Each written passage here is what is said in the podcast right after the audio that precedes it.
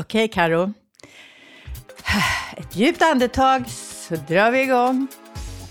Jag tror väl ändå att jag eh, alltid har varit jobbig. Min, min partner säger att jag helt saknar social skills och att det, det är min fördel.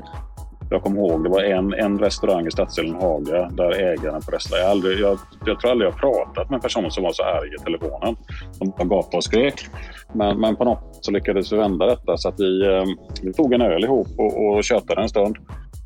Hallå, hej och välkomna till podden Hur tänkte ni nu? Det här är Janna. Hej allihopa! Carro här igen. Vi är tillbaka, Janna. Ja. Det är höstrusk. Eh, eller höstrusk, det kommer ett höstrusk och med hösten kommer ju jobbiga saker och eh, jobbiga människor är ju det vi tycker om att prata om nu. Det har ju blivit vår grej. Det är våran grej. Vi gillar jobbiga människor. Vi har ju också definierat oss själva som ganska jobbiga. Vi började ju då precis innan vi gick iväg på semester och prata med två av de jobbiga personerna vi känner. Nu har vi eh, ringt upp ytterligare två väldigt jobbiga personer som vi känner inom funktionshinderrörelsen. Välkommen till podden Hur tänkte ni nu? Anders Westgärd från GIL som sitter i Göteborg. Hej! Och Anna Kvarnström, du är jurist på SRF, Synskadades riksförbund. Ja, det stämmer utmärkt. Och sen är jag ju jobbig på lite olika sätt. För jag är ju också ordförande för Hörselskadades förening i Stockholm och Funktionsrätt i Stockholm. Och sen allmänt jobbig, tänkte jag säga, när jag skriver debattartiklar och så. Så det är många stolar. Många jobbiga stolar att sitta på. Mm, mm. Men det är det som är så bra ju. Det, var ju det som var hela grejen. Vi tänkte att så här, här har vi ju två jobbiga jävlar på allra bästa sätt tycker vi. Självklart. Så vi är jätteglada att ni vill vara med här. Och vi tänker ju att ni jobbiga på lite olika sätt eh, har vi tänkt. Och om vi ska börja med dig Anders. Så du är ju vad vi kallar för aktivistjobbig. Eh, Mm. och i vilka situationer har du upplevt som jobbig? Har du upplevt som jobbig när du har varit aktivist? Jo, men det, det har jag säkert. Jag upplever mig själv som eh, högst vanlig. För det, är ju egentligen konstigt att man ses som jobbig och gnällig när man vill vara med. Eh, och kunna ta del av det som, som samhället erbjuder vad ska man säga, övriga befolkningen. Så det, är- utifrån, utifrån det så är det ju väldigt märkligt att är som jobbig och gnällig. Eh, och det handlar liksom om, om rättigheter och högst vanliga saker som man vill göra. Så, så egentligen så är det ju väldigt, väldigt knepigt att man blir sedd som, som jobbig. Anna, hur tänker du när du, när du om vi, om vi säger så här, vi definierar dig som jobbig, du håller med om att du är jobbig. är det, är Ja. det, blir det ett val från din sida att vara jobbig? Eller blir det, för det som Anders säger är att det är egentligen inte så att han tycker att han är jobbig, utan det är i betraktarens öga man blir jobbig. Ja, nej men alltså jag eh, tror väl ändå att jag eh, eh, alltid har varit jobbig, så att säga. Min, min partner säger att jag helt saknar social skills eh, och att det, det är min fördel. Eh, jag tycker att det, en del av problematiken med funktionshinderfrågorna är ju att eh, ja förvisso nu ska det vara inget om oss utan med oss men det är fortfarande så att vi blir klappade på huvudet. Och då krävs det ju Mm. ibland eh, några som tar några steg framåt och eh, försöker att jämna ut oddsen. Det vill säga att vi, vi ska prata på samma plan och, och kan sätta emot lite.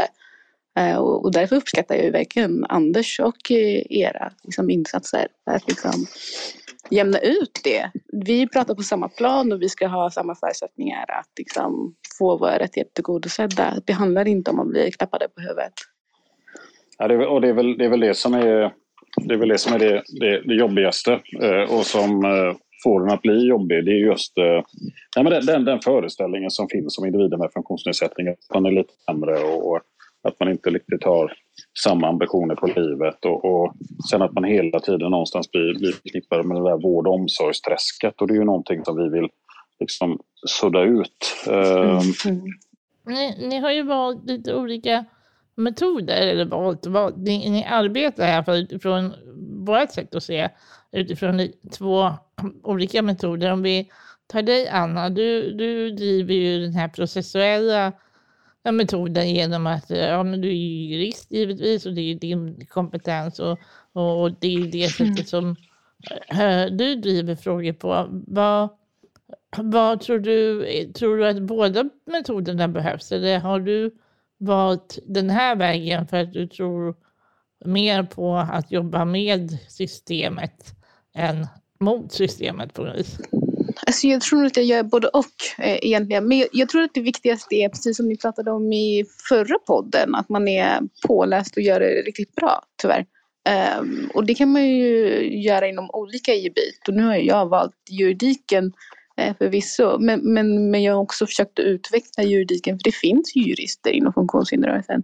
Ehm, det finns ganska många nu för tiden. Jag hoppas det blir ännu fler. Eh, men jag har försökt också vara en, en voice of reason i det. Eh, för det är ju en del av problematiken att, så här, att man, man kan inte bara sitta och driva ärenden om det inte hörs utåt också vad som inte funkar. Och precis som Anders sa så vi har ju så himla hög svansföring så det krävs ju att funktionshinderrörelsen också kan motbevisa den tesen lite. Um, och, och, och, det krävs någon som, eh, som inte är rädd att säga det. Eh, och är man då inte riktigt påläst så är det lätt att bli avvärdad. Så jag tror att det som jag försöker att göra är väl att och, och ha på fötterna och, och ja, men byta ifrån. Anna, har du något som du vet i någorlunda eh, så här, närtid eh, då du varit drivande och skitjobbig och ändå lyckats? Ja, alltså det som har blivit mm, mitt eh, främsta kännetecken tänkte jag säga i många sammanhang har väl varit min kamp för att Sommar i P1 ska bli tillgängligt även för hörselskadade och döva. Och det måste jag säga trodde jag inte skulle bli en så, så viktig fråga. Jag tyckte det var en ren självklarhet med det uppdrag man har.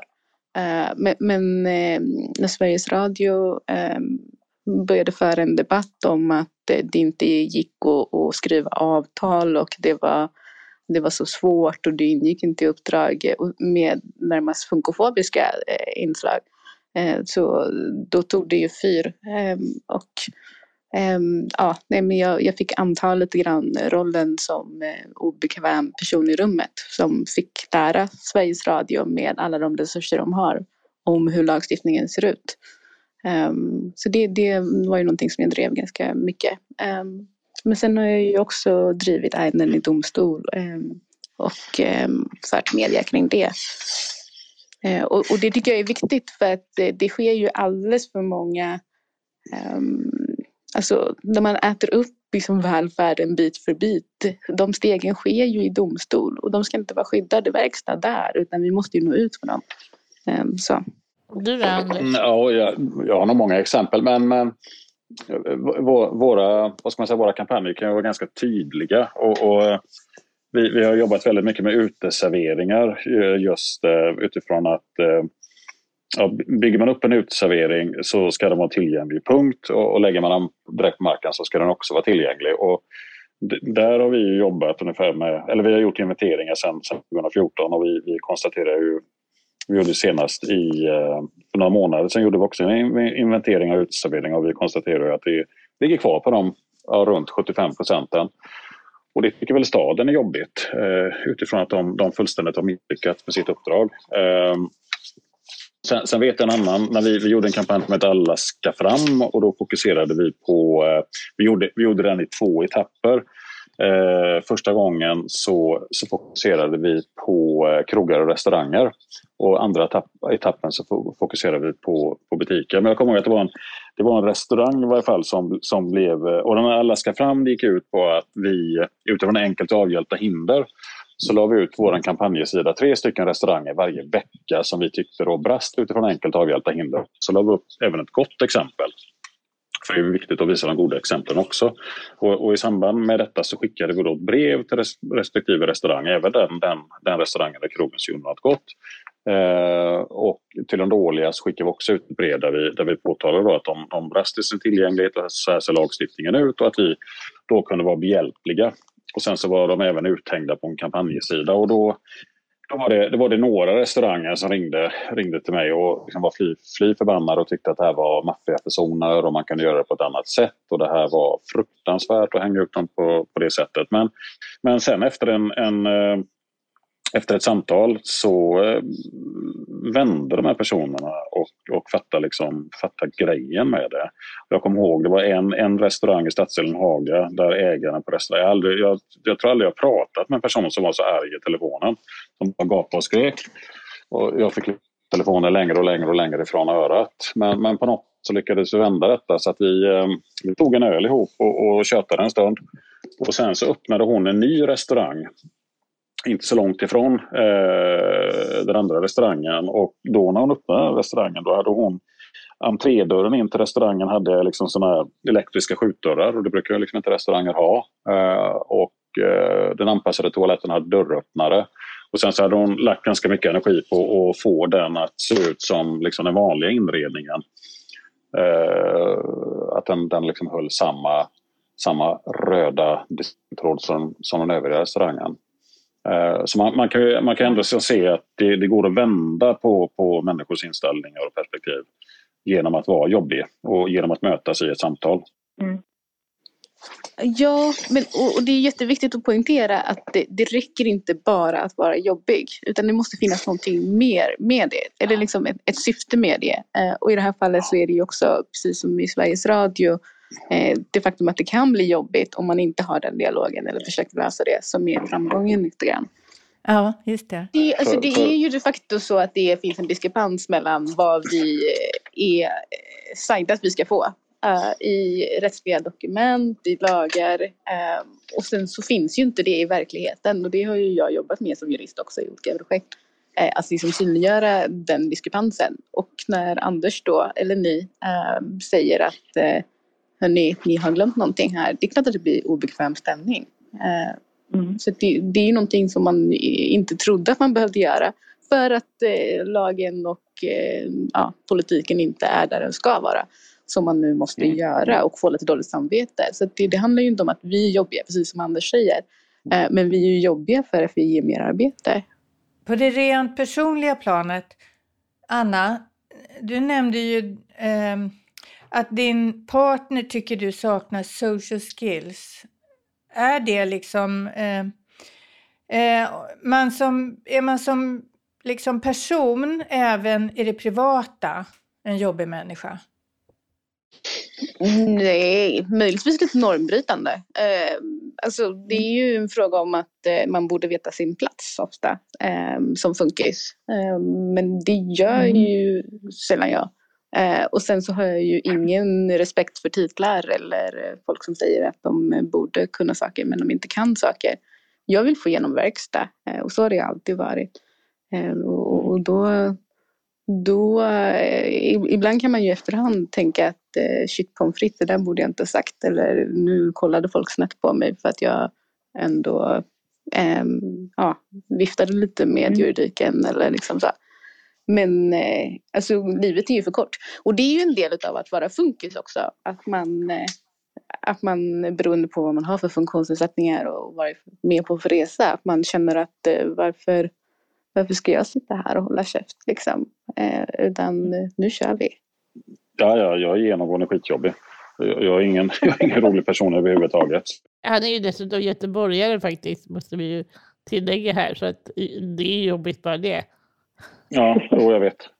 Men, men jag är inte från Göteborg från början så att jag egentligen så är jag en fantastisk människa. Men, men jag vill bara säga det att vi, eh, vi, vi GIL kommer vara jävligt jobbiga i början på oktober. Så då, då får ni stay tuned. För snart smäller det och vi kommer vara extremt jobbiga. Gud vad spännande Anders.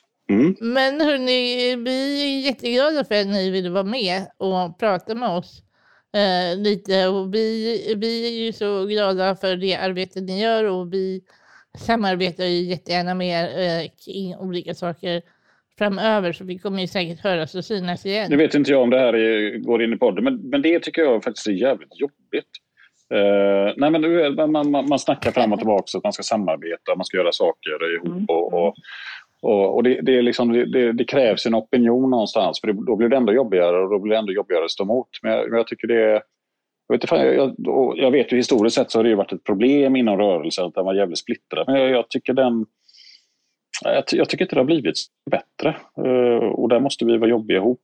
Uh, jag har inget konkret så här och nu men vi måste samlas och bli jobbiga ihop. Jag tror faktiskt att det är våran, alltså Carros och min mission att försöka samla och, och bli jobbiga ihop. Det kanske är en av anledningarna till att vi vill göra det här samtalen med jobbiga människor. Eller vad säger du Karo? Mm. Men gör det då för fan. Samla ihop alla. Ja, Ja, nu blev vi utmanade. ja. Men, men hörni, tack så jättemycket för att ni var med i det här avsnittet av eh, Jobbiga människor-podden, höll jag på att säga. Men i Hur tänkte ni nu? Eh, Anders Westgärd från GID och Anna Kvarnström från SRF. Tack, tack. Hej. Kul att vara med. Hej! Hej. Ha det gött. Han gör det ju gärna. Vad säger vi om det här? Ja, nu blev vi utmanade, om inte annat av eh, Anders. Eh, Ja. Och jag... Ja, det är jobbigt. Det blir jobbigt för oss nu. ja, jätte, jättejobbigt. Men eh, kul. Ja men absolut. Och eh, jag tror ju framförallt så vill vi ju kanske inspirera lite, eller hur? Till att fler ska vara jobbiga. För att eh, jag tror att om vi är fler som är jobbiga så får vi kanske de resultat som både Anna och Anders och vi i det arbete vi vanligtvis gör utöver podden faktiskt vill åt. Och, och vi tror ju kanske inte på att man får det genom att bara vara snäll. Tyvärr ser ju samhällsbilden inte riktigt ut så att uh, tysta, snälla människor får sina rättigheter tillgodosedda än så länge. Vi kan ju avsluta med det Anna sa. Livet är för kort för att eh, vara snäll. Precis. Fortsätt vara jobbig och ha en härlig höst. Vi hörs snart igen. Det gör vi. Hej! Hur tänkte ni nu? är en podd från DHR. Ansvarig utgivare, Janna Olsson. Hur tänkte ni nu produceras av Filt Hinterland för DHR.